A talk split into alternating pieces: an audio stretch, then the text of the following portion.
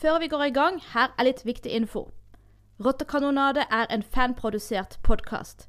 Vi har ingen forbindelser med Kaptein Sabeltann AS eller Dyreparken. Alle syn og meninger som utveksles, er våre egne.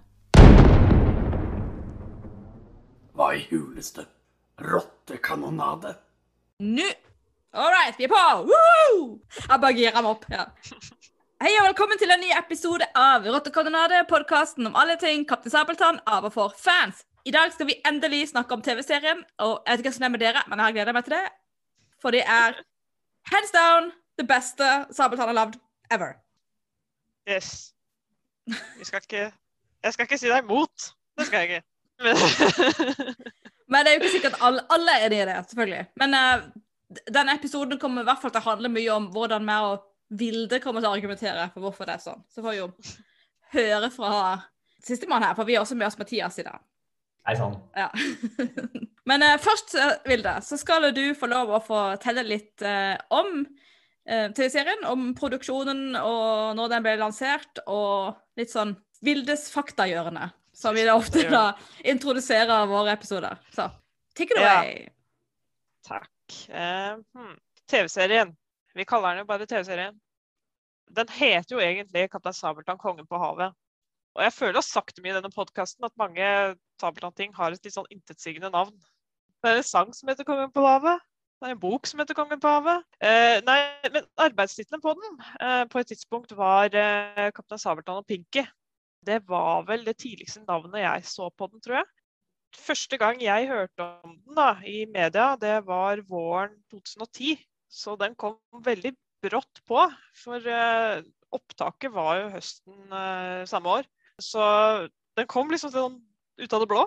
Det var Terje Formoe på Nyhetsmorgen på NRK som liksom sa jeg skal spille Sabeltann igjen til sommeren. Og så skal vi lage en serieserie. Det var liksom veldig sånn to ting. Så jeg husker jeg ble veldig, veldig gira. Og den ble da som sagt tatt og filmet høsten eh, 2010. Fra sånn august-september og ut november. I hovedsak i eh, Dyreparken. Stort sett nesten hele serien, bortsett fra noen få scener som er spilt inn på Kristiansholm festning i eh, Kristiansand. Så eh, man kjenner jo dette igjen. Den er jo spilt inn i Kaptein Sabeltanns verden og på Den sorte dame. Og man kjenner jo kanskje igjen andre steder i Dyreparken. Eh, De har jo også brukt innhegninger. Sjimpanseinnhegninger og fjellgeitinnhegning. Så den ble jo da spilt inn i løpet av hele høsten. De stengte av Kaptein Sabeltanns verden. Satt opp kulisser og ditten og datten. Og dette var jo før Instagram og litt mer sånn sosiale medier sånn som nå.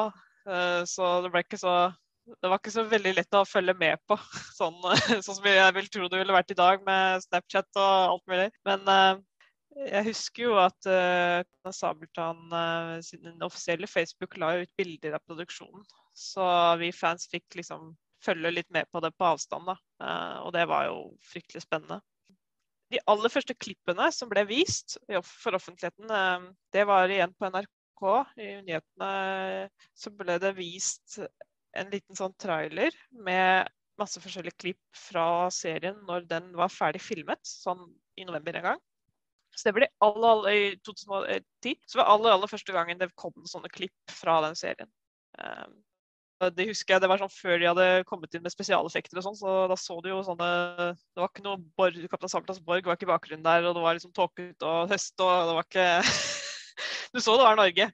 Um, jo, og så skulle det jo gå- en veldig lang eh, måtte jo i preproduksjon, eller i etter, hva man kaller det, etterproduksjon, aner ikke. Um, eh, så godgjør den seg.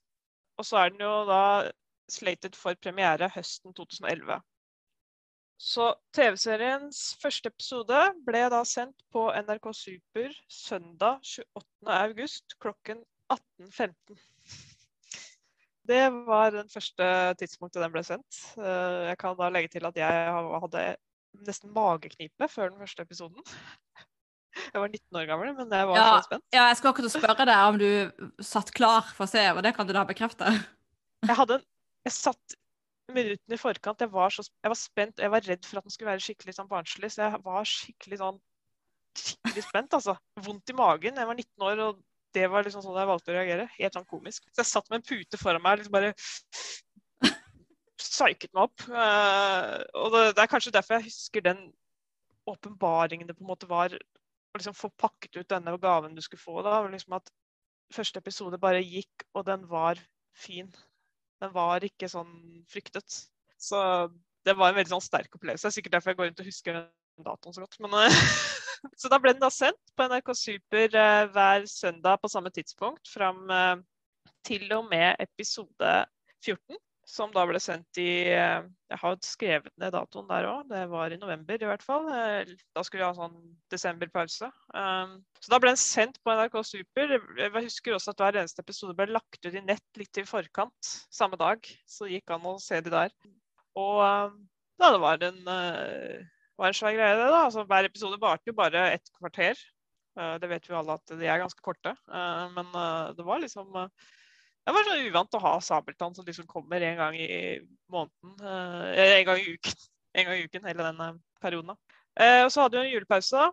Jeg husker også, jeg husker I romjulen så hadde NRK en sånn gimmick med at de faktisk slapp ut de resterende hva er det, 15 til episode 26, Hva slags tall er det? 1, 2, 3, 4 De Resten av sesongen. At de slapp eh, alle de episodene på nett for en begrenset periode i romjulen. Det var to døgn eller noe sånt. Det husker jeg.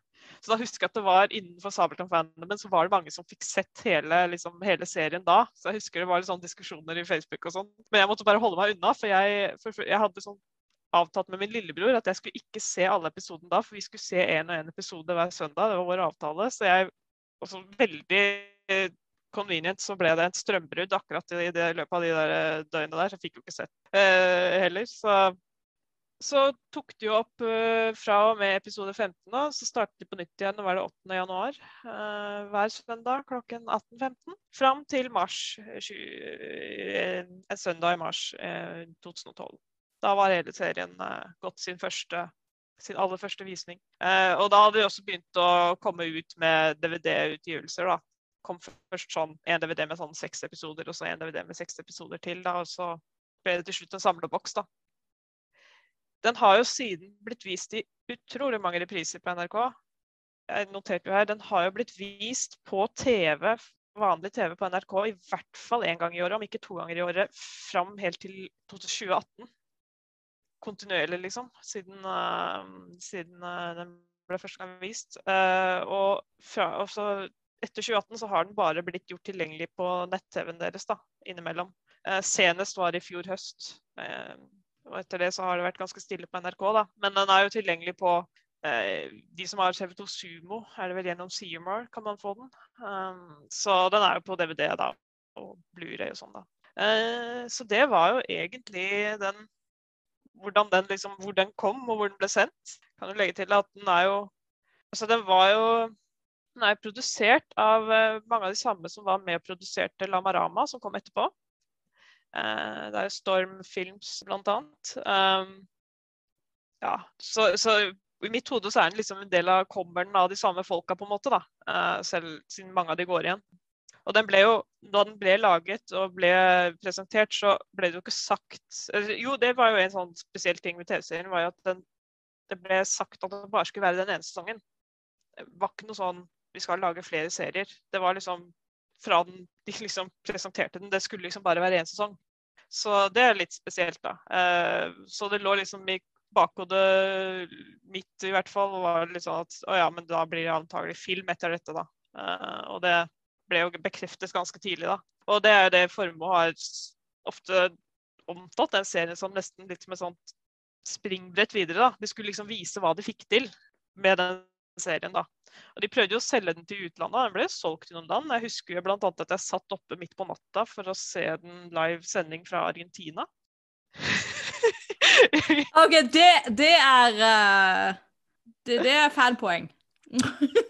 Ja, det, Nå skal du høre hvor i fløkt det var. fordi Det var, sånn, var nett-TV-en til en sånn argentinsk TV-stasjon som sendte den. da. Og så fant jeg ut at jeg kunne jo se livesendinger fra den stasjonen.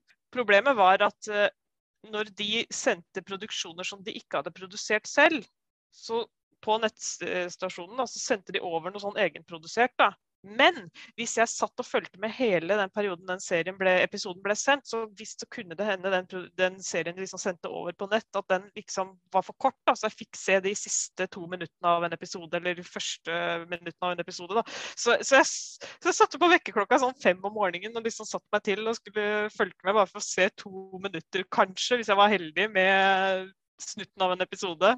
Jeg må spørre, Var det dubba til spansk? Ja, ja.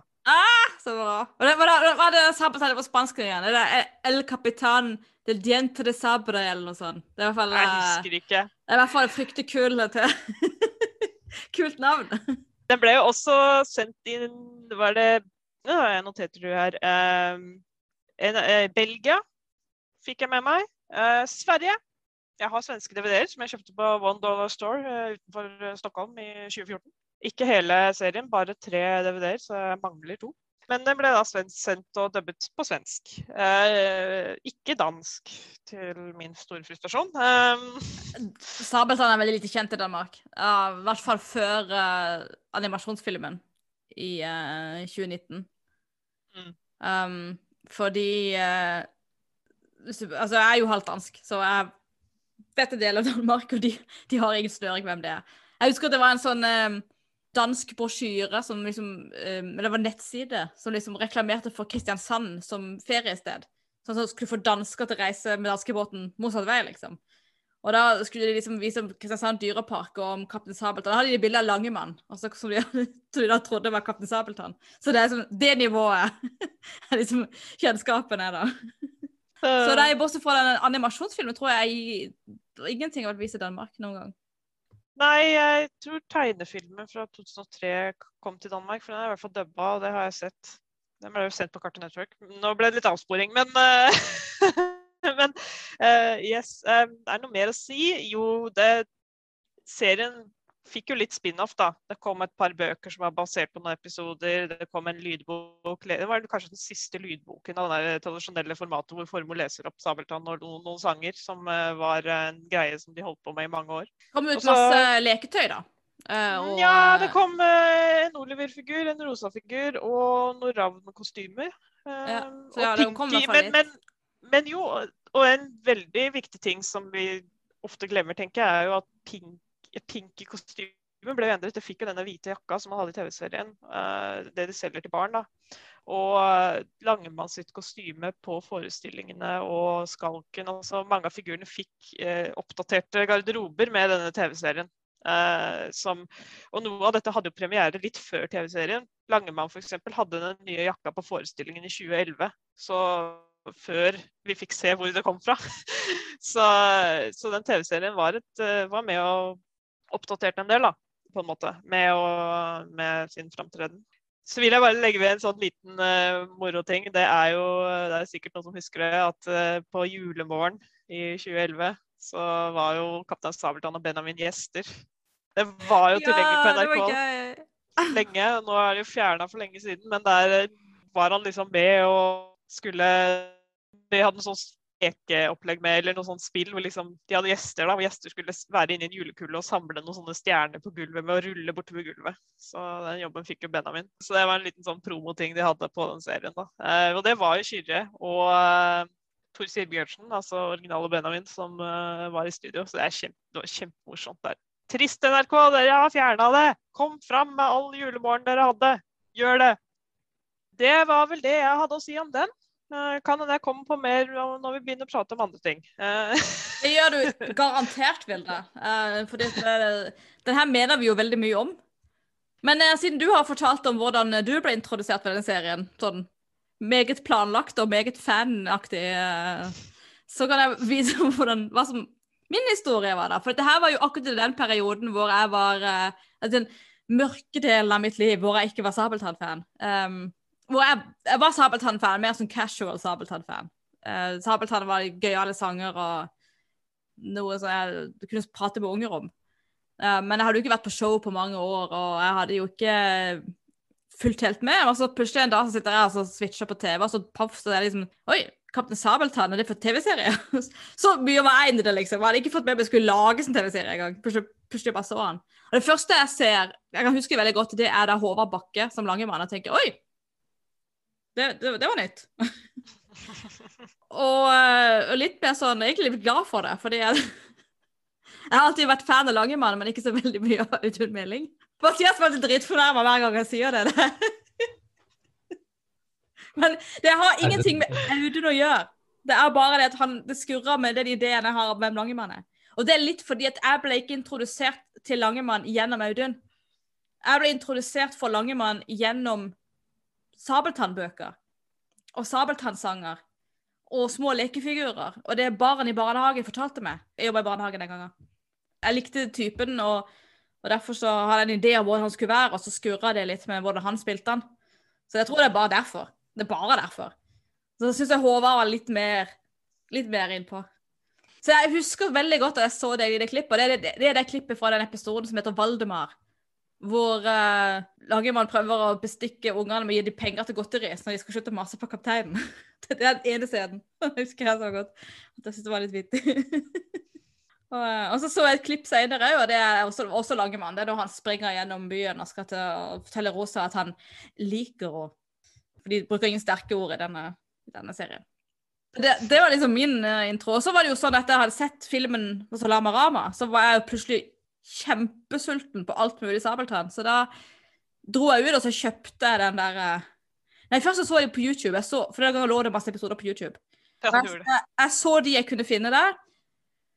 Og etterpå så gikk jeg ut og kjøpte uh, den samleboksen, da. Og så så jeg alle episodene på en helg. det varer jo ikke så lenge. De, serien er jo som sagt 15 minutter per episode. Ja, det er seks timer eller noe sånt. Det er seks timer. Seks og en halv time. Ja. Så, og etterpå det så dro jeg til venninna mi, og så så vi hele greia en gang til. Sammen med henne. Særlig favorittepisodene jeg har sett mange ganger. Så, og så er det jo sånn at um, har jeg begynte å skrive fanfiction og, uh, og sånn, så det var stadig tilbake til den TV-serien. Det er stadig ting som blir referert til der. Så er det sånn uh, liksom min go to-sted for å få inspirasjon. Det er den TV-serien. Og Årsaken til det, tror jeg, det er jo at den TV-serien tar jo opp hverdagslivet. Man skal ikke undervurdere hverdagslivet. Det er ingenting som sier så mye om en person som hverdagslivet. Så det å se disse figurene liksom fra dag til dag, når de skurer båten og fisker og flørter med damer og får besøk av mamma og sniker seg inn i skattkammeret og går på skattejakt og hamler opp med bøller og alt mulig. Det, det, det syns jeg var utrolig gøy. Og så, likte jeg veldig godt uh, den nye Abrahavn. For det eneste glimtet du hadde Abrahavn før det, det var jo fra tegnefilmen i 2003. Som er et veldig sånn dyster, skummelt sted. Og dette uh, Abrahavnet her er jo helt annerledes. Det er jo veldig solskinn der, det er fargerikt, det er veldig multikulturelt Det er folk i alle former og fasonger og farger. Og uh, det er sånn yrende landsby, det er barn der, det er gamle folk der. Det er liksom et sted jeg veldig, veldig, veldig gjerne skulle bodd. ja, men jeg er jo enig med deg, Stine, at der, den Abrahavnen der er veldig koselig. Um, veldig varm og spennende. Uh, veldig En følelse jeg har som festet seg veldig fort hos meg når jeg så serien første gang, var jo altså, Det er vanskelig å beskrive denne følelsen, men det er nesten litt som at som om jeg hadde sett det før. Som om, en følelse som om det var noe jeg hadde vokst opp med, og, på en måte, uten at det var gammeldags og liksom så ut som det var fra 90-tallet. Men altså at det liksom føltes sånn instant sånn Traff liksom barnet sånn rett inn umiddelbart. Det var liksom så En sånn veldig sånn følelse av liksom det var liksom ikke sånn dette er fremmed og litt for litt kule, moderne barn. liksom. Det var liksom så varmt og godt og lunt. og Nei, det var veldig den derre kjent, men ikke kjent, liksom. Nesten som du bare opplevde å når jeg likte ting som barn. da. Og det er veldig veldig, veldig, veldig sjeldent jeg får en sånn følelse av noen ting. Ehm, jeg er litt nysgjerrig på deg, Mathias, hvordan du har opplevd den eh, serien. Jeg måtte nesten oppleve den i to faser. Eh, fordi da det kom ut, eh, så var vel jeg må ha vært rundt 15 år, ja, da, hvis det var i 2011 du sa den eh, premierte. Eh, og så da var jeg litt i en litt sånn der, kanskje litt umoden fase. For da holdt jeg meg liksom på en måte nesten bare til det jeg hadde vokst opp med. Og klarte ikke helt å være kanskje voksen nok til å på en måte hva skal jeg si, ta inn over meg litt uh, nye ting. Og, så, og da jeg da var 15 og satt og så på denne på da opptak da, på, på dekoderen på NRK, eh, så, så syns jeg først at liksom disse de plottene i episodene det, Nå beklager jeg for å fornærme dere, dere, som elsker serien fra starten av. Eh, for meg som 15-åring så slo det meg som litt barnslig og veldig enkelt og sånn. Eh, så det var jo ikke før jeg på en måte kunne kanskje bli litt mer moden og kunne og det som jeg tenkte da også, var ok, greit, selvfølgelig er dette laget for barn. Åpenbart. Det er, det er, laget for et yngre publikum. Det er helt greit. Det var på en måte ikke helt my cup of tea. Uh, da tenkte jeg heller skulle nyte de tingene som jeg vokste opp med, og forestillingene som fortsatt var tøffe. Uh, og så ble jeg litt eldre, og så kunne jeg da heller kanskje sette pris på de kvalitetene som TV-serien hadde. Uh, selv om det var Hva skal jeg si eh, for så vidt enkle handlingsforløp, på en måte. Men på en måte, for å si det litt sånn. Men når jeg da så TV-serien TV igjen etter å ha fått høre liksom, indoktrinert fra dere at fy faen, her er jo bra, det er råtøff, og særlig fra Simen også, eh, så så jeg den sånn ordentlig at tenkte ok, greit, det her er, det er Jeg fikk inntrykk av at det var et ordentlig gjennomført univers, på en måte. Og vi har vært snakket om det før, at um, vi er på en måte enige at at av alle de filmatiseringene og fremstillingene av Sabeltann-universet på, um, på, skjerm, så er på en måte TV-serien det som er liksom nærmest liksom, true to liksom, hvordan vi ser for oss liksom, et ideal Sabeltann-universet. Jeg personlig syns fortsatt Lama Rama var veldig bra laget, men at den hadde jo, vi har vært sagt om det før, at den hadde andre ting som eh, ikke fremstilte den så bra så true til eh, universet. Mm. Men det er egentlig det er, ja, det er min eh, tilnærming til eh, TV-serien. Altså, Jeg må jo bare understreke at jeg likte den heller ikke første gang jeg så den. Altså da jeg så de der små klippene yes. uh, den gikk på TV. Uh, og det var fordi jeg syns liksom uh, at jeg hang meg litt opp i at de barneskuespillerne kanskje ikke var helt 100% avslappa foran kamera. De var litt, litt oppstokka, litt opplest og litt sånn teatersk. Uh, men der så jeg jo bare små klipp, ikke sant? og der så gjennom hele, så, så ble jeg jo helt omvendt. Fordi ja, det, det er enkle storyer, men det, er, det, det, det, bærer veldig på at det er utrolig gode skuespillere der. De voksne der er jo, de er jo sykt flinke, dyktige skuespillere. De har liksom ikke bare plukka med noe tilfeldig raskt, liksom. Dette er uh, top notch. Uh, og de uh, Det er jo Ja, og de, og de, tar, de tar det på alvor det er veldig tydelig at, at, selv om det er fjasete, selv om det er for unger, så det heter skuespillere som tar dette på alvor. Ja, men det er jo når dere liksom hadde den litt sånn skeptiske, litt sånn fremmede opplevelsen i første, aller første gang dere så den. Fordi det var jo en Det er kanskje den store tingen jeg forbinder veldig med den her. At dette var første gang det liksom føltes ut som at Sabeltann ble tatt på alvor på alvor. På en annen måte enn tidligere. For vi har jo teaterforestillingene, og de er jo veldig hyper uh, Sier man hyperbol? Er det man skrev i norsken, Stine?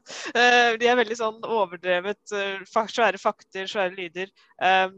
Og det, der aksepterer man jo at det er teatralsk og litt sånn barnslig, og det er liksom greit. Og så hadde vi jo tidligere den tegnefilmen, da, og så hadde vi den der 'Drømmen om Kaptein Sabeltanns rike', som Stine ennå ikke har sett. som vi ikke kan snakke så mye om derfor. Men og jeg husker min eh, Det jeg syns var veldig jeg så denne serien første gang, var hvor rolig jeg synes kapteinen var her. Hvor rolig han var, og også Langemann òg. Hvor rolige de var, hvor dempet de var. Det var liksom ikke det brølet og det stikkende blikket og veldig sånn der, eh, svære fakter. Det var, eh, det var noe Og det var veldig uvant. Jeg var, sånn, jeg, var, jeg var, veldig åpen for serien, og jeg var jo veldig redd den skulle være barnslig. Og da så jeg vel for meg noe mer barnslig enn det dere som første gangen, tenker jeg. Eh, jeg. Jeg var veldig redd skulle presentere de voksne figurene som veldig dumme. Mye dummere enn det vi hadde opplevd den tidligere. Ja, som konstant prompehumor, liksom. Ja, ja. Men det var ja, helt motsatt. Det var det ikke. Ja. Mm. Pelle og Pysa ble jo til og med litt sånn antydning smartere her, liksom. Plutselig så virket det som hele gjengen hadde fått litt mer IQ uh, siden uh, teaterforestillingene. De ble mer sånn psykologisk. Det ble mer subtilt, liksom. Og jeg skjønte jo at det, det er jo formatet, ikke sant. Du skal tett på figurene, du, du skal snakke Men allikevel. Ja, det var det der plutselig så Sabeltann spesielt, plutselig så Og Langemann. Sabeltann og Langemann spesielt, de to. altså De ble behandlet med en sånn seriøsitet. Hele, altså Benjamin òg, altså Tor Sigbjørnsen, som har gjort det liksom eh, på scenen i alle år, han gjorde jo Benjamin altså det var helt sånn Ja, jeg blir nesten litt sånn paff av å tenke på det tilbake nå. At liksom At, at, at det gikk, liksom. Yes. Mm.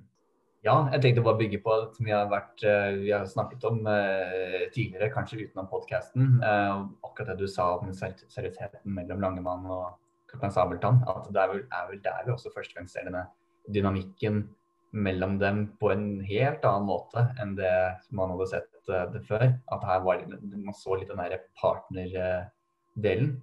Det er vel første gang man ser eh, i TV-serien. Jeg noterte her i, i notatene mine at det her er første gang du ser Langemann i den der mellommanager-rollen. Mm, ja. Altså at han ja, ja, men det er jo liksom I den grad det her er en situasjonskomedie, så er det jo den her sjefen på toppen som av og til kommer ned i avdelinga for å se hvordan det står til. Altså den her mellommanageren som prøver å holde orden i kaoset når sjefen kommer. så, uh, og det er liksom det, Den dynamikken det er det veldig mye av i TV-serien. Liksom Lagerbarn som prøver å glatte over og prøver å ordne opp og prøver og liksom ingen å være den bindeleddet mellom kapteinen og, og, og befolkninga hele tida. Det- det er veldig gøy å se den. Det, du vil si at TV-serien er liksom et innslag av The Office, liksom. Ja, ikke sant? Ja, det er bare veldig gøy. Så det er veldig enig. Også, også det, ser du litt den her relasjonen som Sabeltann har med denne landsbyen sin. Uh, jeg, jeg kaller det hans landsby. For det- han virker jo som har liksom hat-elsk-forhold til de menneskene som bor der. Altså at, at det er undersåttene hans, men han vil Han liker oppi hylla di, men ikke så mye annet.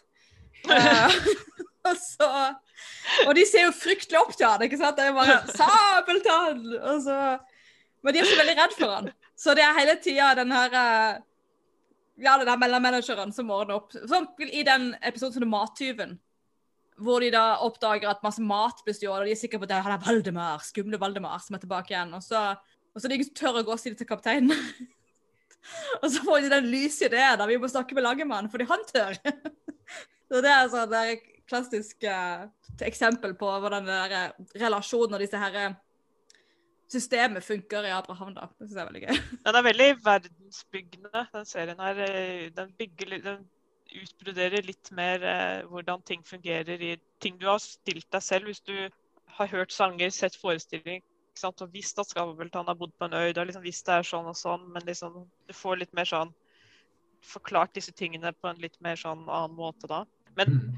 så det er også Jeg likte spesielt denne, den episoden Sabeltann Dori, hvor liksom eh, Langemann er eh, med på den årlige handleturen ut av Abraham med innbyggerne som nå skal ut på kryddermarkedene og sikkert andre markeder. Og det er liksom En gang i året så får en annen scooter lov til å seile inn på den hemmelige passasjen til Abraham. Det, Ja, nettopp. Du får en sånn idé om at hvordan det rent ut faktisk fungerer, sånn rent eh, apparatsmessig. Mm. Ja, ja. Og det er veldig gøy. Også Rosa, som eh, var jo helt ny i TV-serien. Hun som liksom er uh, kapteinens våpenvokter. Det blir jo aldri sagt i TV-serien, da, men du ser liksom implikasjoner på det. da, At hun eh, driver jo med våpen og holder det fortet og sånn. ikke sant? Men at hun Mm. liksom styrer og ordner at uh... Jeg trodde hun var smed, fordi jeg så jo filmen først. Jeg, liker våpenvokter eller eh, våpen, eller fortkommandør eller hva det skal kalle det for noe, er mye bedre. Men eh, ja, det er sant det. Og det, det var jo ikke bare hun. Det var masse nye eh, figurer i denne serien. Det var Ravn og jeg- foreldrene sine, Bella Augusto, og det var Valdemar, og det var Oliver. Det husker jeg var noe av det mest spennende når den høsten den ble filmet. Jeg var jo nesten helt sånn forelska den høsten den ble filmet, fordi jeg var så spent. Jeg er et rart menneske, jeg vet det. Jeg var, jeg var, i jeg deg for var det. Sånn, ja, ja, jeg var bare så, jeg var så godt humør når jeg liksom visste at den serien ble filmet. Jeg gruet meg, men jeg gledet meg også. Det var liksom noe spennende og noe nytt. Og så var det så gøy å liksom koble på media og eh, internett. Bare sånn Er det noe nytt bilde i dag? Og så ramlet det inn bilder, og det var helt masse nye figurer. Liksom, du kunne sitte og se på dem sånn Hvem er dette? Liksom, hvor, hva, er det, hva er det det redskapet de har der? Hvorfor er de kledd sånn? Og liksom bare sånn, liksom spekulere sånn veldig i det. da. Jeg husker, uh, husker liksom første gang jeg så Ravn, så hadde hun eh, Jeg tror det var noe sånn det var en sånn promobilde med Formoe og eh, Pinky og Ravn ved siden av han. Og så sto vel Ravn med litt sånn skøyeraktig med Pinkys kniv eller et eller annet sånt. Og da husker jeg at det første innskytelse var at Ravn skulle være noe sånn mer sånn der tøff eh, Jeg vet ikke. eh, knivjente. Det blir litt grotesk, men eh, altså hun eh, Altså, jeg, bare, jeg, jeg må fortelle Mathias at knivjente det er et begrep Vilde har for sånne kule jenter i bukser. Eh, den her tropen du ser i sånne barneserier hvor liksom skal liksom tatt med jentefigurer, og så skal de i hvert fall ikke gjøre jentete. Så blir hun en sånn derre guttejente, tomboy, med kniv. Så, og Mm. Vilde har helt piggene utenfor knivjenter. Så hun var veldig redd for at Rosa skulle være knivjente òg. Det husker jeg var, ja. Men uh, hun Det er er jo ikke. ikke det. Og det er jo mange andre figurer. Det er Oliver, ikke sant, som denne eh, litt eldre eh, eh, butikkdriveren som liksom eh, kan, kan, mye hemmeligheter. Og gjerne, er på, gjerne forteller noe til barna. eh, litt mer enn kanskje Langemann ønsker. Eh, og liksom eh, så har vi jo ja, foreldrene til Ravn, Bella og Augusto. Eh, litt sånn morsomme navn, for de har jo sånn er det, spansk eller noe sånt? Spansk eller italiensk betyr god mat eller god smak. Smaker bra eller sånn. Men de er indiske. Eh, Og eh, ja, det er jo Jon Benløs og gjengen hans. Eh, moren til Jon Benløs. Eh, det, er, eh, det er jo noen skurker. Sokrates og Digre Darius, de har vi jo vært innom. Eh, som er i noen par episoder. Malena er med i én episode og gjør det kraftinntrykket i den, de få minuttene vi ser henne. Det er pow, eh, som Kyrretann sier. Det er ja, også ikke minst Langemann, da vi var så vidt på det igjen, da, men altså Langemanns forhold til kapteinen. Er, dette var jo første gang Kyrre Haugen Synnes spilte kapteinen. Dette var første gang Håvard Bakke spilte kapteinen. Nei, hør på meg, spilte Langemann. det, var, det var plutselig en sånn masse Valdemar, denne flyktningen i skogen. Lillebøll, det spøkelset som eh, Ravn eh, ser for seg inne i heksehuset. Massiv verden som bare Ja, og ikke minst denne altså Vi snakker jo om relasjonen mellom kapteinene og Langemann, men det er jo ikke minst den relasjonen mellom Langemann og Pinky. mm. For den uh, er jo gjennom en ganske sånn Den er jo ganske uh, tydelig. Mye av serien spinner jo akkurat rundt den. Så, og det har jo gjort at vi har vært innom dette før i, i, i, um, i diverse andre episoder. Og jeg har jo alltid prøvd liksom å lete etter den relasjonen i andre settinger. Og blir så frustrert når man ikke finner det. Fordi man, man er så vant til at når man liksom får liksom sin nye sabeltannrenessanse gjennom den TV-serien først, som jeg gjorde, så, så er det liksom, tror du det skal være sånn, og så ser du se forestillingene, og så ser du filmene, og så er det som mangler den, den delen. Og så er du vel så frustrert, for det var den delen som, du, som på en måte binder alt sammen i TV-serien. Det er jo den her far-sønn-relasjonen som ikke er en far-sønn-relasjon. Så skjønner du hva jeg mener? Altså, det Langemann er åpenbart Pinkes farsfigur, samtidig som han er klar over at det ikke er hans virkelige far. Og så har han nådd en alder hvor det altså å finne røttene sine blir, blir ganske viktig. Og så får du den her eh, dragninga fra det kjente mot det som er, alt jeg ikke vet, alle de spørsmålene jeg har. ikke sant? Eh, At de, Den relasjonen er så spennende. den Pinky Langemann. Og, de, og de, er så, de er så flinke på han. De er så sykt gode på han. Både, både Håvard og også Nikolai. Det sånn, Pinky, altså. det er han som spiller Pinky. Nikolai Daglestad. Ja, men det er den dynamikken de to har. altså den er jo, Dette var jo første gang vi virkelig så Langemann som en far. Eh, Jeg vil jo nesten si, jeg vil jo tørre å si det kanskje var eneste gangen også. Eh, Han har jo, han har jo lenge hatt et sånt, sånn som de sier i Sabeltann-universet, godt øye på en måte, eller har en omsorg for Pinky, da. Men ikke nødvendigvis på en sånn farslig måte. Ikke Mhm. sånn fullt og helt. I tegnefilmen så var han jo litt sånn omsorgsfull. I en bok så var han også det, ikke sant. Men her så var han jo pappa. Det var veldig spesielt. og liksom Etter hvert gikk opp for meg når jeg så den serien. Det var, altså, du, du, skjønner, du ser også at han havner i litt sånn problematikk med at han skal passe på Pinky eh, for kapteinen også. Eh, liksom, At han, han, eh, at han bryr seg, er oppriktig redd liksom, for hva Pinky kan finne på å rote seg inn i. Eh, Ja, altså, det er jo faktisk en episode hvor han mer eller mindre er betvunget til å ta parti. Altså, ja. altså at han eh, Det er jo den episoden hvor Pinky har sneket seg i skattkammeret for å lese loggbøker. I 'Kaptein Sabeltanns borg' heter den. Nettopp. Og, og så blir han ferska der. Eh, og, og da der Langemann da stiller seg opp foran kapteinens pistol. Og liksom går inn mellom pistolen og kapteinen og bare 'Jeg skal ta meg av han. Please, please, ikke ut. Eller hva han egentlig ber om, ikke sant? Og Sabeltann har den der eh, berømte replikken eh, 'Fordi det er du som spør, og ingen annen, så er det greit, han skal få gå'.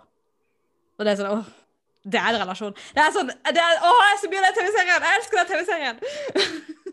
Og så er det jo også Pinky han, han endrer jo liksom TV-serien er kronologisk. Episode til episode. Det husker jeg var en ting jeg var veldig redd for i forkant. var at Hver episode skulle være sånn kun en, den episoden, og var det ikke noe handling som tråd som fulgte hele veien. Det var jeg veldig redd for blant annet. Det var en av de barnslige tingene jeg var redd for. da. Eh, men stort sett så har jo hver episode ett plott som løser seg i den episoden. Da. Det ender ikke med noen sånn cliffhanger, det gjør det jo ikke. Men det følger jo en sånn rød tråd. Det er forskjellige handlingslinjer som går her. ikke sant? Hovedgreia er jo Pinky som drømmer om å bli kjørever og prøver på forskjellige måter å bedre sjansene sine der. Og så har vi jo Jon Benløs som utfordrer Pinky. da, Han vil også bli sjørøver. eh, og prøver å stikke i- kjepper i hjulene for Pinky. Underveis så endrer jo de relasjon, ikke sant? De Mm, er jobber på lag. det er character arc. Jeg vet ikke hva det går norske Ja. score for det. Og det alle gode serier har det. Altså at, du, du, at det- er gjennom en endring. Og det er jo ikke bare Pinky Langemann har det til en viss grad òg. Altså, de finner jo ut av denne litt ustabile relasjonen som er imellom, ikke sant? Det, det må, de har jo et episode der hvor de liksom de krakkelerer litt, det der forholdet. Fordi at Pinky finner ut at Langemann vet noe han ikke vil si Mm. om faren til Pinky. Og det blir liksom meget ubehagelig for alle involvert. Og uh, da har det sånn en, en episode der hvor, hvor du liksom føler at nå Nå går det ikke så bra. og så de, kommer de til en sånn slags enighet da, helt på slutten. At det er, det, jeg gjør alt jeg gjør bare for å beskytte deg. ikke sant? Så du, han avslører jo aldri hemmeligheten, men, men liksom han avfinner seg med at jeg holder ikke på den hemmeligheten for å være stygg med deg. Det er jo av andre ting. Jeg prøver å beskytte deg mot noe. Eh, det, Kan man altså- ane, da? Kan man liksom ane, da? Mm. Uh, det er jo viktig å påpeke at denne TV-serien kom jo Siste for, nye forestilling før den, eller ny versjon, var 'Forheksede øya' 20, nei, 2007, 2008 og 2009. Så da hadde vi jo den Morgan-historien derfra var det seneste vi hadde å gå etter der. Og så I den TV-serien her så hinter det jo veldig til at det høres ut som han liksom har vært og skrevet den uh, helt, at han, helt siden han forsvant. Hvis du tenker på eh, den forheksede øya, da. For det eh, denne spøkelset Lillebøll kommer jo med denne regla til Ravn. Hvor hun sier at uh, hva er det, Jeg husker ikke helt konkret hva hun sier. jeg, Men Han er en skygge av seg selv, eller noe sånt. Han er forhekset hos greven. Mm. Ja. Yes. Så det høres jo nesten ut som om uh, den TV-serien, når den ble laget, så ble den satt i et univers der Morgan hadde havnet hos Greven og Gral. Da, at det var baktanken under den produksjonen. Da. Det vet mm. jo ikke noe Nei. om, for så vidt. Men, uh, men, uh, men den er veldig det du sier, den er veldig sånn Du kan legge mye i det derre Hvorfor Langemann ikke sier dette til Pinky. Du kan, det er lett å liksom se ting der som De, ikke, de hinter ikke noe veldig klart til noe, egentlig. Men det er lett å liksom se kanskje han beskytter Pinky mot et eller annet. Kanskje det er noen mørk hemmelighet der. Og, og det gir den et dybde som liksom Eller en spenning som, eh, som ligger og ulmer der, da. Um, og jeg, jeg liker veldig godt det der at de voksne der er voksne. uh, liksom. Pelle og Pysa er jo Pelle Pysa, men altså de er en eller annen merkelig grunn litt mer voksne enn i eh, forestillingene. Det skulle jo ikke trodd på barne-TV. Det er Jeg så syns- rart. Det er, liksom, det er så små ting, altså. Men det er Jeg syns Benjamin er helt dritskjønn i serien. Fordi han, han er liksom Han er for god gamle Benjamin i med at han er sløv og prøver å sludre under arbeid hele tida. Men samtidig så har han den her den litt omsorgsfulle, kule onkelsida, ikke sant? Han er, han, er, han er jo med de på skattejakt i en episode og liksom setter Jon Benløs på plass når han prøver å terge Pinky. Og, han, og en av mine favorittepisoder er jo den som heter Skattkammeret. Hvor da Benjamin har lurt Pinky til å gjøre en jobb for seg, og så må han da gjemme han. Fordi at kapteinen kommer om bord, og så må han gjemme det oppi en kiste. Og så Benjamin kommer der til å bære den kista opp i skattkammeret. Så han må bære hele kista med Pinky i hele veien opp skattkammeret. Og så, så det, det, det er så gøy når han da sleper uh, Og så når kapteinen endelig får åpna den, så er jo Pinky vekk. Så han skjønner hvorfor stønna og peste du sånn over en tom kiste, liksom. Og bærer den kista ned igjen. og han stapper Pinky oppi, så må han bærer hele kista ned igjen. Og det syns jeg episoden er så gøy.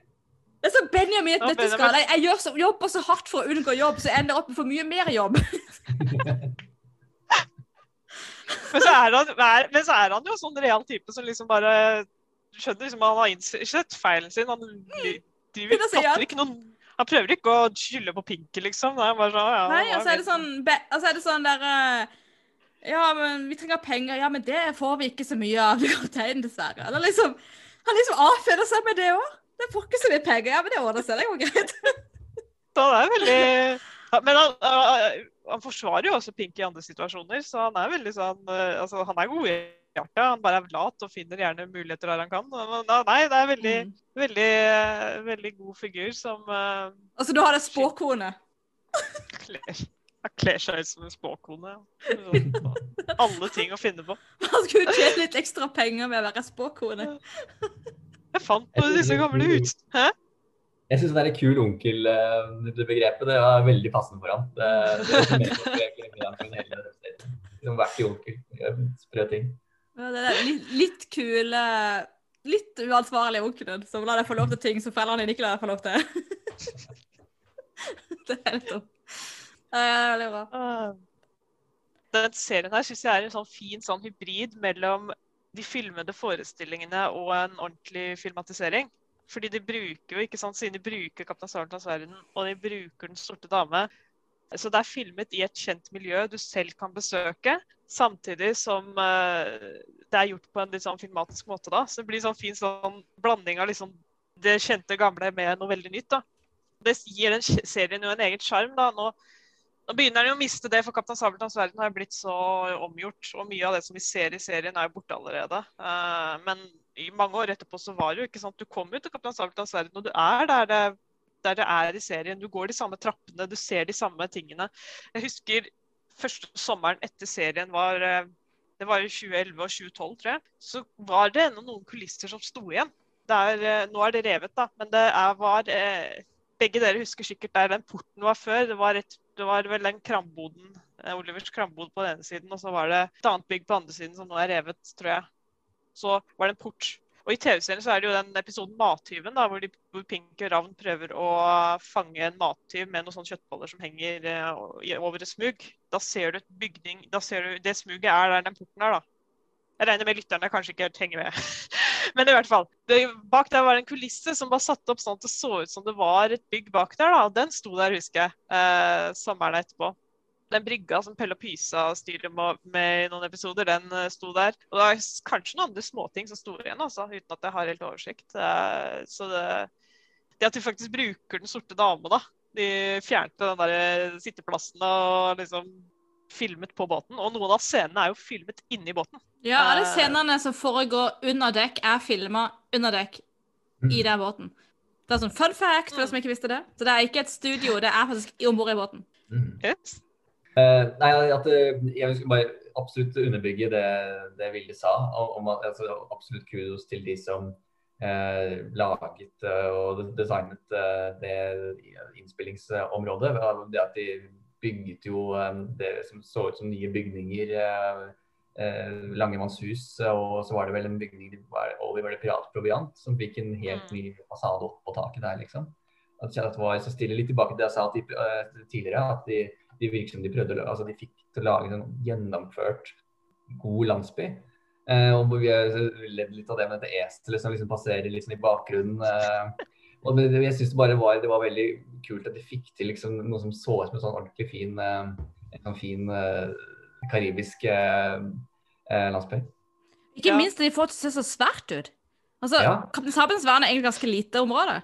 Men de, de, de liksom bytter vinkler og snur på ting og bruker det samme stedet til to forskjellige settinger. Så de får den byen til å se enorm ut. Og så er det egentlig bare bitte, bitte lite sted. Så, så det er kjempegodt gjort. Det bare Så det, det er det merker jo veldig godt i en av de seneste episodene hvor Rosa Langemann springer fra det som er Bella Augustus vertshus til Den sorte dame. Og i mellomtiden, den tiden de bruker på å løpe, så synger kapteinen litt av den der Kongen på havet-sangen. Jeg, jeg vil liksom bare ta halvparten av et minutt og løpe derfra til Den sorte dame. Så hva de, hva de gjorde på veien, det vet jeg ikke. Men Jeg var på fest, så jeg drukke litt. eh, Ja, det, jeg hørte et lite rykte om uh, Jeg husker ikke hvor det var. Jeg hørte at det var en tanke om at de egentlig hadde lyst til å uh, bruke det ferdigstilte Abrahavn eh, til å spille inn eh, TV-serien, egentlig. Ja, Abrahavn han var jo ikke bygd før i 2012 ferdig 2012. ennå. Så Nei, det var det at planene ble aldri gjennomført ordentlig nok til at uh, altså, altså Planene for en TV-serie lå såpass langt tilbake at de, de hadde ønske om å prøve å samkjøre det, men at Nei. Abraham ble aldri ja, ja, fordi at, at det bare, ble ikke ferdig liksom tidsnok. Ja, men, ja, men det, det kan hende det stemmer, for det var, var jo ikke sånn Mathias, at det var et opphold. Abraham ble påbegynt, og så ble det en, satt, lagt litt på is en kortere periode før de begynte på igjen. Jeg lurer på om det skjedde, altså. Det var ikke en sånn vinterpause eller noe? da? Ja. Nei, jeg tror det var Jeg husker ikke.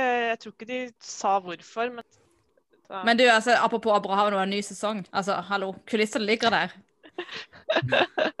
Så hvis de kan Øh. lage så mye ut av bitte lille Kaptein Sabeltanns verden, så kommer de jo til å lage en millionby ut av Abrahavn. så det Og det, Abrahavn er så gjennomført at du kan ha kamera ganske tett på ute på illusjonen, altså. Så jeg er veldig åpen for en sesong to, selv om de sa de aldri skulle lage en, altså. Så hvis du skrinlegger alle filmer fremover, så er vi fremdeles veldig takknemlige for en sånn Altså, serien var jo serien var visstnok veldig dyr å produsere, da, og så endte de vel opp med å bruke mer av sin egen lomme for å si det sånn, enn det de håpet på. De prøvde å søke støtte og sånn, ja.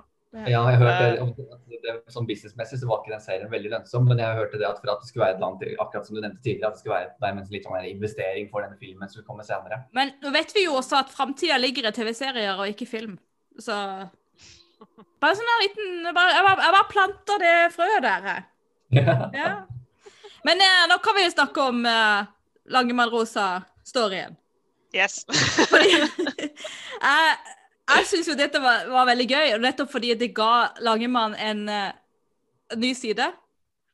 At han uh, får seg denne kjæresten. Uh, jeg husker at jeg, Da jeg så den aller første klimtet jeg så, det var jo en episode hvor Rosa var, og jeg skjønte allerede i det lille klippet jeg så, at det var en relasjon de to imellom.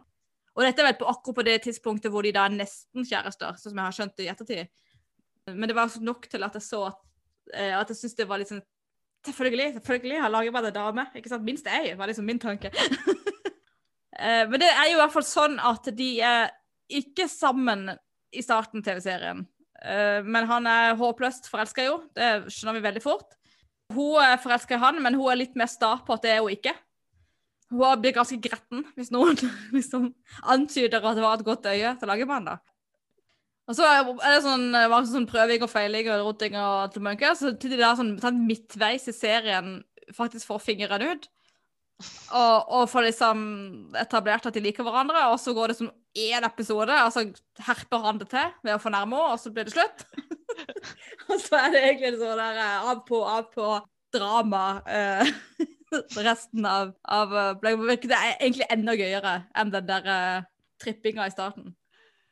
Og så er det jo det gøy med den dynamikken deres er jo den der med at uh, kapteinen ikke sant, at Langemann vil jo helst ikke at kapteinen skal uh, få Det er snusen opp av ha kjæreste. Hva, hva er det, liksom? Hva er det? Altså, Kapteinen må ikke vite om oss. Hvorfor ikke? Jeg, jeg tenker jo at, at kapteinen syns det der med kjærester er så teit. Og at det er litt sånn, Hvorfor bruker du tida på sånt? Og du, du har en jobb, og du skal ikke la, la, la deg distrahere andre til det er ille nok at du har den der guttungen. Skal du ha liksom en kjæreste også nå?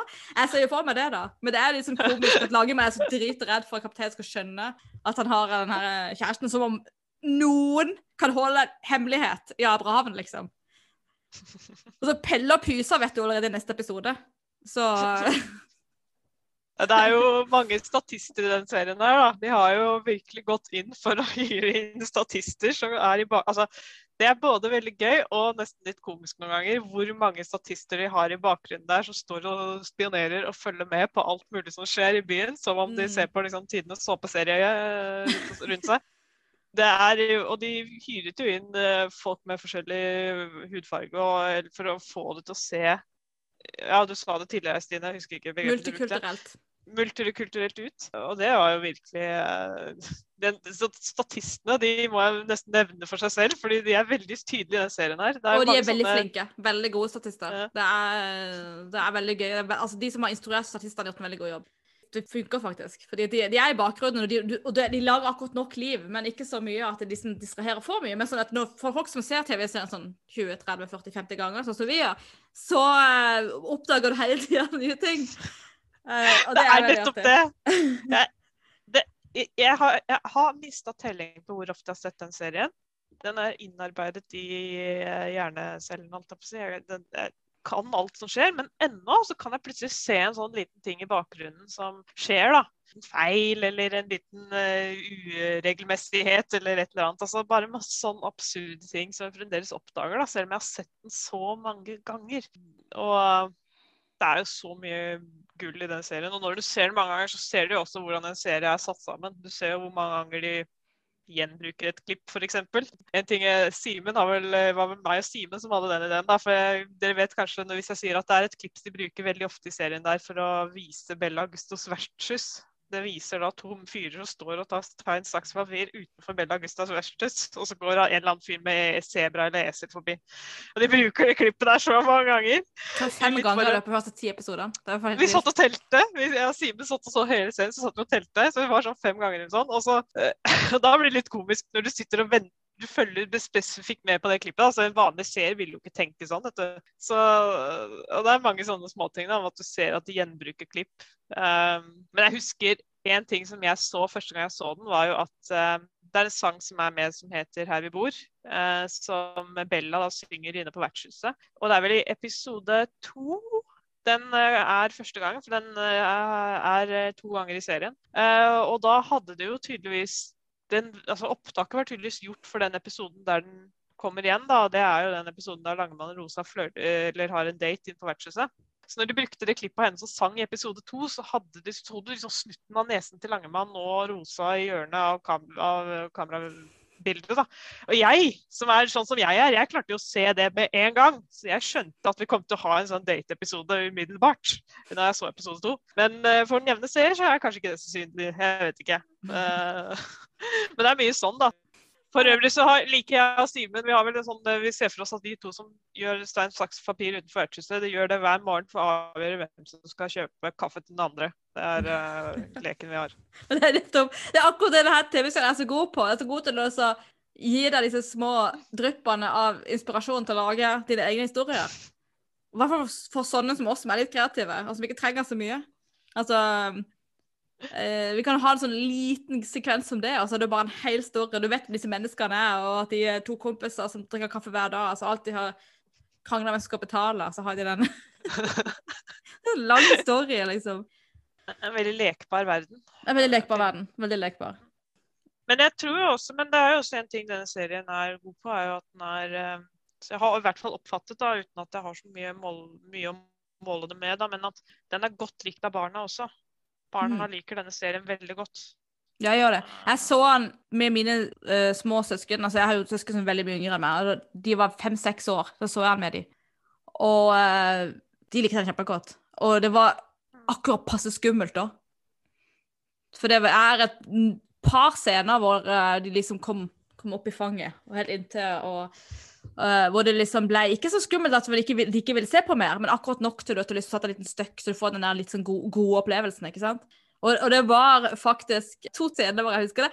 Det ene er jo der hvor uh, Pinky blir ferska i uh, Sabeltanns skattkammer.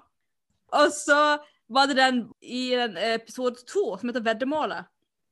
Når Langemann innser at uh, Ravn og Pinky holder på å selge tingene hans. Episode tre. Er det episode tre? Jeg tror det er episode to. Veddemålet. Gatemusikantene. Gatemusikantene, selvfølgelig. Mm, det er det, ja. Men i hvert fall så har episode tre, Gatemusikantene, at de liksom har stjålet Langemanns ting og uh, prøver å selge dem. Og det er liksom De var liksom, de var ikke redde for kapteinen der, men de var redde for lagermannen. At lagermannen skulle bli sinna for de hadde tatt tingene hans. ikke sant? så det ble han jo. Så Ja, men Det er sikkert det at barna også kjenner litt igjen denne Langemann som for foreldredynamikken. Mhm. At det blir en blanding av noe mer gjenkjennbart i noe som de syns er spennende. Ja, og det er også en ting som er veldig bra med denne serien, og som gjør, jeg, jeg også tror jeg er med på å gjøre at barn liker den, det er at det er trygge voksne folk der. Mm. Du har uh, farsfyr, du har foreldrene til uh, Ravn, som er kjærlige, gode foreldre. Ikke, ikke bare for Ravn, men også for Pinky. Og så har du Rosa, som er kapabel og uh, ansvarsfull og stødig. Og du har den her uh, pappasida uh, ved Langemann, da. Så det er liksom en sånn Jeg tror den verden oppleves trygg. Selv om kapteinen kan være veldig skummel, så oppleves den verden ganske trygg. Så, så jeg tror det er kjempeviktig òg. Men eh, jeg har faktisk en liten liste her med eh, ting eh, som jeg ikke syns fungerer så bra. Mm. Ja, for det er jo Selv om vi har sittet og skrytt denne serien opp nå, den er jo også veldig Den har sine ting. Og den tingen som er på min liste, da, det er jo eh, For meg er det Lillebøll. Og det er ikke det at jeg har noe imot at det skal være litt sånn mystikk og litt sånn uforklarlige ting i en serie. Eh, men det har litt med at jeg syns det blir hengende litt i løse lufta. Det er liksom en sånn Det passer liksom ikke helt inn. det, er liksom to eller tre episoder hvor Ravn går inn i et hus og snakker med en mystisk dame og får en, tilfeldigvis noen beskjeder hun trenger å vite. Og så da snakker hun om sånne spådommer, og det blir liksom sånn veldig episk. Og så bare pff, fisler det ut ingenting igjen. Uh, hvilket uh, er, jo, er jo et gjentagende tema i Sabeltann. At ting blir haussa opp, og så fisler det ut. men, men eh, så jeg er lite fan av Lillebøll. Det er jeg bare innrømme. Um, jeg syns ikke det passer inn i, i den serien. Altså At de har et sånn hus med en orakel. Altså Vel, eh, hun blir jo fremstilt som om hun er et spøkelse, må det jo nevnes. eh, Ja, men hun er et orakelspøkelse. Hun er et sånt sted de går for å spørre Ja, om. Hun er akkurat som den der søppelhaugen i Faglandet, for de som er gamle nok til å huske det. Det Tydeligvis bare meg, men uh. Jo, jo, jeg husker den. Jeg var redd for den. Men, uh, men, men uh, jeg husker når Lillebjørn ble introdusert, så skjønte, hadde jeg anelse om at hun skulle være spøkelsen når jeg leste rollelisten før, eller på i rulleteksten, da, fordi alle står i rulleteksten før episoden om henne kom. fordi det var jo et spøkelse i dag, dagtidsunderholdningen noen år før som var helt Lillebjørn. Så jeg, så jeg husker det, jeg trodde at det skulle være en sånn plott med at Sabeltann ble skremt av Lillebjørn på et eller annet tidspunkt. At det var sånn Pinky skulle oppdage at uh, Sabeltann var redd for spøkelser. Jeg trodde oppriktig det skulle skje i løpet av serien. Men det hadde jo vært en mye bedre ting. det. det hadde jo passa mye Ja, det bedre. Det virker veldig logisk, men det skjedde ikke, nei. Så det var litt sånn merkelig. Uh, jeg skjønner jo at du ikke at du blir frustrert over det, for det er sånn erketypisk sånn der Sabeltann. og Det er sånn mystisk, kryptisk et eller annet, noe sammenheng, men det er ikke noe sammenheng her. Vi bare later som bare akkurat nå, Ja. fordi da blir Det det sånn- spennende. Det liksom, vi prøver å fortelle mange, for mange historier, for mange sjangere på en gang. Det, det, jeg får det ikke til å passe inn. Jeg, jeg, liker, jeg liker ideen, og jeg, uh, og jeg liker universet. Det er bare at de to tingene passer ikke sammen. Da, da, da kommer jeg på en ting jeg ville Jeg vet ikke, du har sikkert mer på den lista di, men da kommer jeg på en ting som jeg er litt veldig frustrert over med den serien her, da. Får jeg lov til å si det? Eh, det er jo på en måte egentlig hvordan de avslutter det med Ravn på slutten av serien. Eh, At eh, de vet liksom ikke hva jeg skal gjøre med henne. De bare lar henne være igjen i Abrahavn. da. Hun prøver liksom å bli med Pinky, men så vil hun klarer hun ikke forlate familien sin i Abraham. Da. Så hun bestemmer seg jo for å være i Abraham. For så vidt et valg hun tar selv. Da. Men uh, på siste episode her så er hun jo mer rosa, ikke sant. Uh, og det er liksom siste gang vi ser henne. Hun, uh, det er liksom veldig sånn var liksom bare en ting som var med i den serien. Liksom skulle ikke bringes videre, nesten. Altså, selv om hun det var med i Labarama. Men eh, mm. Ja, for det, det skulle egentlig jeg også adressere bitte litt. At jeg syns jo, synes jo Ravn var en ganske kul altså, karakter i, TV-serien i seg selv. Og jeg syns hun var en ganske flink skuespiller og alt det der. Men, uh, men sånn i forhold til resten av verden, så, eller samfunnsuniverset, så, så henger det jo egentlig helt rett med at, at, at um, Pinky skal eh, være plutselig så ensom og helt alene forlatt når han da møter Sunniva. Og at det er liksom når han, eh, når han endelig får han en venn, liksom. Han har plutselig hatt en venn i ganske lang tid i, i, eh, i kjære hjemlandet sitt. Så um, det er veldig veldig spesielt. Altså, det at, Ab- nei, at, at Ravn dukker opp igjen i Lama Ramas, og der er de plutselig da igjen eh, sammen på slutten igjen etter alt sammen. Før de liksom skulle da dratt videre. Eh, det er litt Mm. spesielt.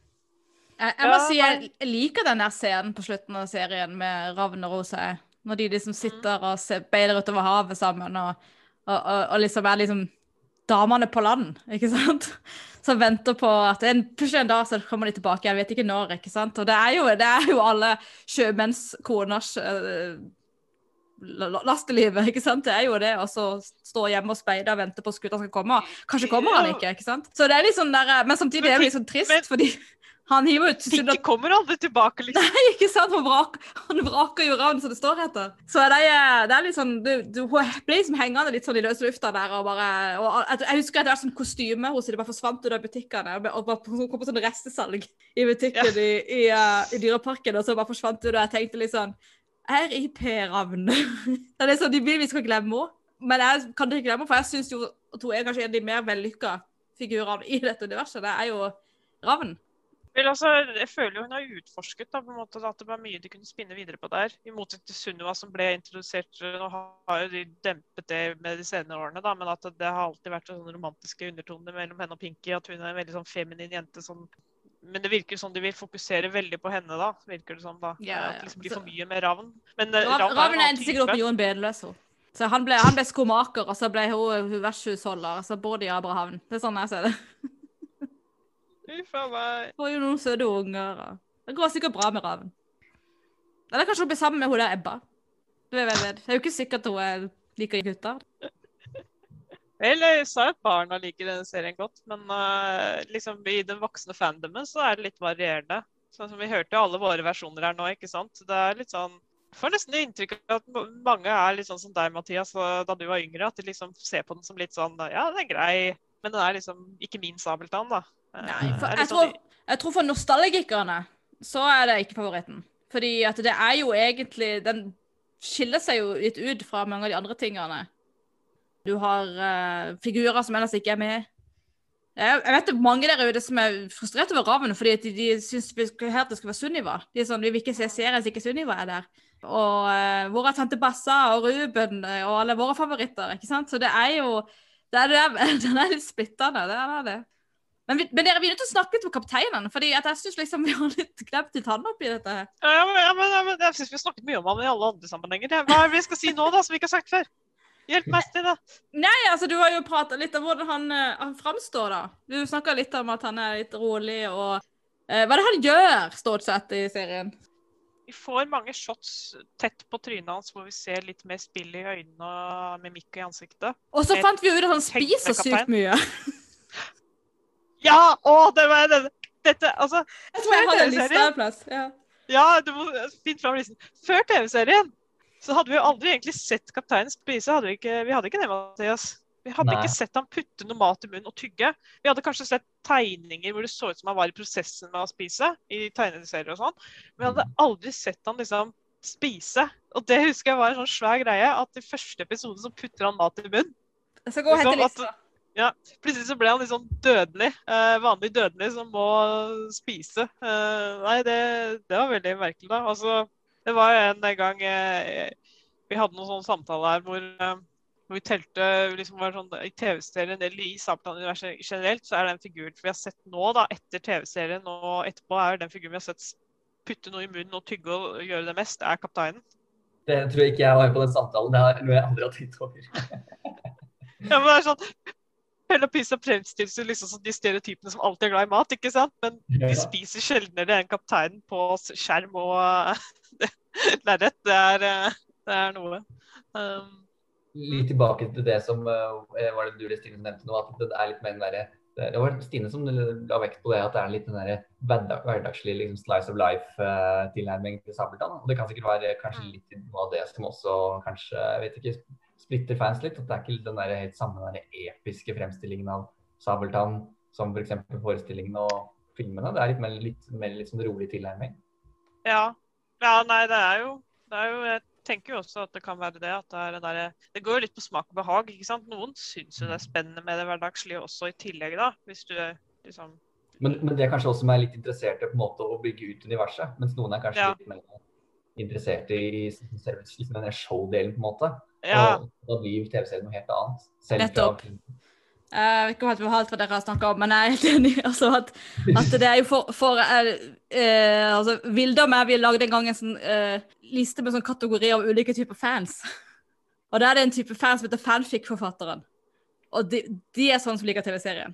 Nettopp fordi det ligger så mye uutforska ting der.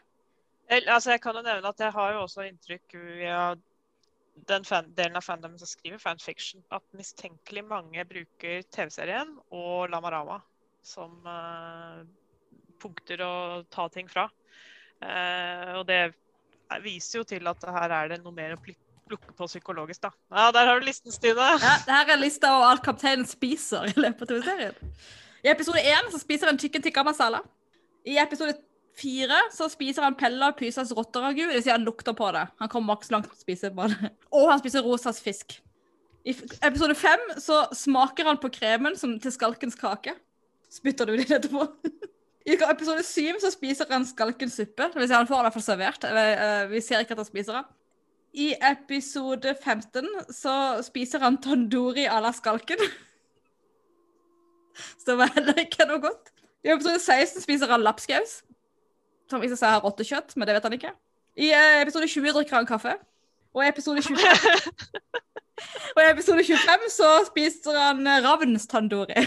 Så han er jo i stedet som figuren som spiser mest i løpet av hele Kan vi snakke om den der såkalte kaffen? Når vi snakker om liksom kapteinen i TV-serien her, Vi vet jo ikke hva det er han drikker. Vi antar det er kaffe basert på kopp og at det er noe varmt. Men eh, det, er så, det er så privat øyeblikk med kapteinen, for da har han liksom bare funnet seg en kopp med et eller annet og bare skal drikke mens han jobber, liksom. Det er litt sånn Ja, altså så skjer et eller annet sånn Det forstyrrer Ja, Det er et veldig gøy øyeblikk. Gullkopp, by the way. ja. Og han har den der gullskjeen som han kommer fram med når han skal spise. Ja. Ut av lomma. Uh, uh, nei, men det er liksom det, det er litt mer sånn Vi får litt mer som alle de andre figurene, så får vi et litt mer sånn privat Litt mer sånn bilde av liksom kapteinen som menneske, da. Han sitter og drikker kaffe mens han jobber. Han med ark eller med kart. eh, Ja, og- Det er jo den episoden hvor de planlegger det her toktet som de drar på slutten. Hvor han sitter med Langemann i, i lugaren, og de snakker om apeøya. Er det apeøya de skal til da? Jeg husker hva de heter disse øyene. De skal finne Eh. skatten til en eller annen eh, kong Alfons, eller For kong Alfons av Marmeladene. Ja, nettopp. Kong Alfons og Marmeladene, var det vel. Og da sitter de i garden og prater om, eh, om liksom legger planer, og der er jo faktisk eh, Langemann kommer med innspill. Og der er jo liksom, det er liksom en av de kanskje første ganger vi ser at det er en, en jobb de gjør sammen. Så det er liksom, det er ikke bare sololøpet til kapteinen, altså han hører på Langemanns råd da. Eh, det er jo der han blunker til Langemann. Langemann eh, smiler, og så ser du kapteinen liksom wink, wink. det er så gøy. Legge er jo gjennomgående Jeg tenker det er sånn Her blir det gull, vet du. Jeg vet jeg Ja, selvfølgelig, men jeg syns det er litt koselig. Det er koselig, fordi at det er liksom en sånn jeg er glad jeg involverer deg i min glede. Det er på meg blir det intimt, spesielt med en sånn type som det der, da. Nei, nei, altså vi ser at uh, kapteinen er litt sånn snillere i denne TV-serien da, enn han hadde vært i noen sammenheng tidligere. da. Uh, veldig mer sånn det Virker som han liksom bryr seg litt eller bryr seg, bryr seg, At han er, tar litt mer det er noe slags sånn antydning til det som kunne vært et vennskap mellom han og Langemann. da. Eh, at uh, han har mer tillit til Langemann, og at det, det blunker, ikke sant. At han har mer sånn eh, Han virker jo grei mot Pinky når han først er situasjoner der han liksom kan være grei mot Pinky. da. Eh, og det var Simen, Dette snakket jo i episoden om Sabeltann, husker jeg, men da sa vel Simen det forklarte jo han det ganske godt. For det er jo en episode hvor han liksom En av teoriene hans var at uh, Sabeltann liksom er med på leken til Pinky bare for han kjeder seg. Uh, uh, La oss, hvor, la oss, følge, etter, følge etter og se hvor dette ender. Jeg trenger litt underholdning i dag. Litt, sånn, ja. ja. Han er litt mer sånn eh, leken. Ja, og så den der ildprøvene, den episoden han sitter og liksom ser på disse folkene som konkurrerer om å få vaskeoppdrag på Den sorte dame, som det viste seg å være. Eh, altså, han, han, han, han har liksom antydninger til at han liksom er noe annet enn den der eh, sedvanlige psykopaten som vi alltid får høre fra andre voksne at han er. Eh, så han har liksom Han viser liksom mer, flere sider da. Mer eh, mer sånne små drypp her og der, da. og Du får mer innblikk i noe mer psykologisk. da. Plutselig så hadde han fått disse nyansene som gjorde at, han, eh, at andre skjønte det. Mer, flere enn før skjønte liksom hva jeg mente. Hva jeg hadde sett hele tiden. Inntrykket mitt, da. Ja, jeg tror Um, kanskje at Kyrre tolka han på samme måte som oss. At det var sånn han valgte å spille kapteinen, da. Veldig, veldig fint eh, sagt, eh, Vilde. Rart at du sier det, for jeg fikk litt sånn litt samme inntrykk, men det var etter da, etter eh, Lamarama. Men det er jo åpenbart, det er jo, for det er jo samme gode skuespiller. Jeg tror Kyrre har gjort mer for den figuren enn eh, folk der ute skjønner. Mm. Jeg tror absolutt. Altså Wow. Det er en, en Amanda. Spesielt Amanda Ja, bare han skal, ja. BSF-Amandaen skal han få. Få lage en sånn kjørever-Amanda. Å, kostyme! Kostyme som det var var på. Bare du kjører på det, at det, det hadde jeg bare lyst til å adressere. At altså, av alle må- måter Sabeltann er blitt fremstilt, så, så syns jeg jo sånn at, at her Kyrre er, så er jo det synes jeg kan noen estetisk liksom, peneste Sabeltann-kostymet. Eh, det sitter liksom, det er stramt, det er den der fjæren som henger litt sånn ut på siden der. Eh, på hans venstre side er det vel. Og barten snakket jo om eh, i forrige episode, Lansen barten. Det er sånn jevn, pen sminke. Det er selvfølgelig det at det er jo for et um, TV-lerret, og, og det blir noe annet enn en uh, scene. Jeg kan sikkert se for meg det at det, kostymet er sikkert litt uh, mindre mobilt å løpe rundt i, på, i Hyttavika. Men jeg syns det, det, det, det kostymet han har i TV-serien, er det, det, er det, det er det kuleste kostymet han har hatt. Ja. Det er jo en, en fin mann òg. Du skal ikke, du skal ikke skyve det under teppet, liksom. Uh, jeg er helt Ja, men enig, altså, Mathias. er, er han har noen sånne trekk i ansiktet som jeg syns er veldig kapteinaktige. Altså Jeg liker uh, trekkene. Han har ikke den berømte dobbelthaka som er liksom veldig stor skrekk. Så har han disse klare, klare blå øynene, som eh, er liksom en must på sabeltann, sånn som jeg ser det, da. Men jeg skulle nevne det, jeg elsker hatten hans her. Det er min favoritthatt. Den hatten, Og den der ujevnheten med fjærene. At han har sånne svære, tykke fjær. og at det, det er ikke den der svære, den der, alle de små fjærene som henger nedover som en del av parykken som man har hatt i mange forestillinger. Men det er liksom, at det er sånn ujevn, litt sånn uh, Elsker den hatten. Og så eh, det er én ting jeg savner i det kostymet, her, og det er den der kravatten. Jeg er glad i kravatten, så jeg savner at den har det. da. Men eh, ellers er det jo eh, veldig great. Plutselig så fikk vi se liksom, hvor, en antydning liksom, hvordan kunne dette se ut på film, for det hadde de jo ikke gjort før. De hadde jo bare brukt teaterkostymene, ikke sant. Og så brokaden. At vesten var liksom en vest med brokademønster på, det var veldig, eh, veldig kult å se. Um, og Langemann hadde jo fått helt nytt kostyme. Ordentlig skinn antagelig. da. Den jakka skal se sånn ut, da. Ja, en parykk parykk som så litt mer ut som hår. Altså, Ja. Jeg liker veldig godt den der svære, kraftige parykken som, eh, som Audun brukte, Uh, men, men det er liksom litt urealistisk hår. litt sånn, jeg syns det er voldsomt mye hår. Altså, når du får så tjukke fletter, da har du mye hår. Ja, men Er ikke du som er fan av de ty- tykke flettene? Jo, jo, jeg er det, men, men det er liksom ingen, ingen Veldig få mennesker har sånn hår. Jeg hadde det da jeg hadde langt hår. Men det som er så gøy med Langemanns, det er at det er liksom den komboen at det ligger så fint og rett, og har tjukke fletter. Og den komboen fins ikke. Så enten så har han veldig stort og fluffy hår, eller så har han rett hår med de tynnere fletter. Så jeg syns, og jeg syns det var genitrekk at da liksom Da han overtar, han eh, Håvard, at de, de gjør hår brunere, ikke så svart, men brunere.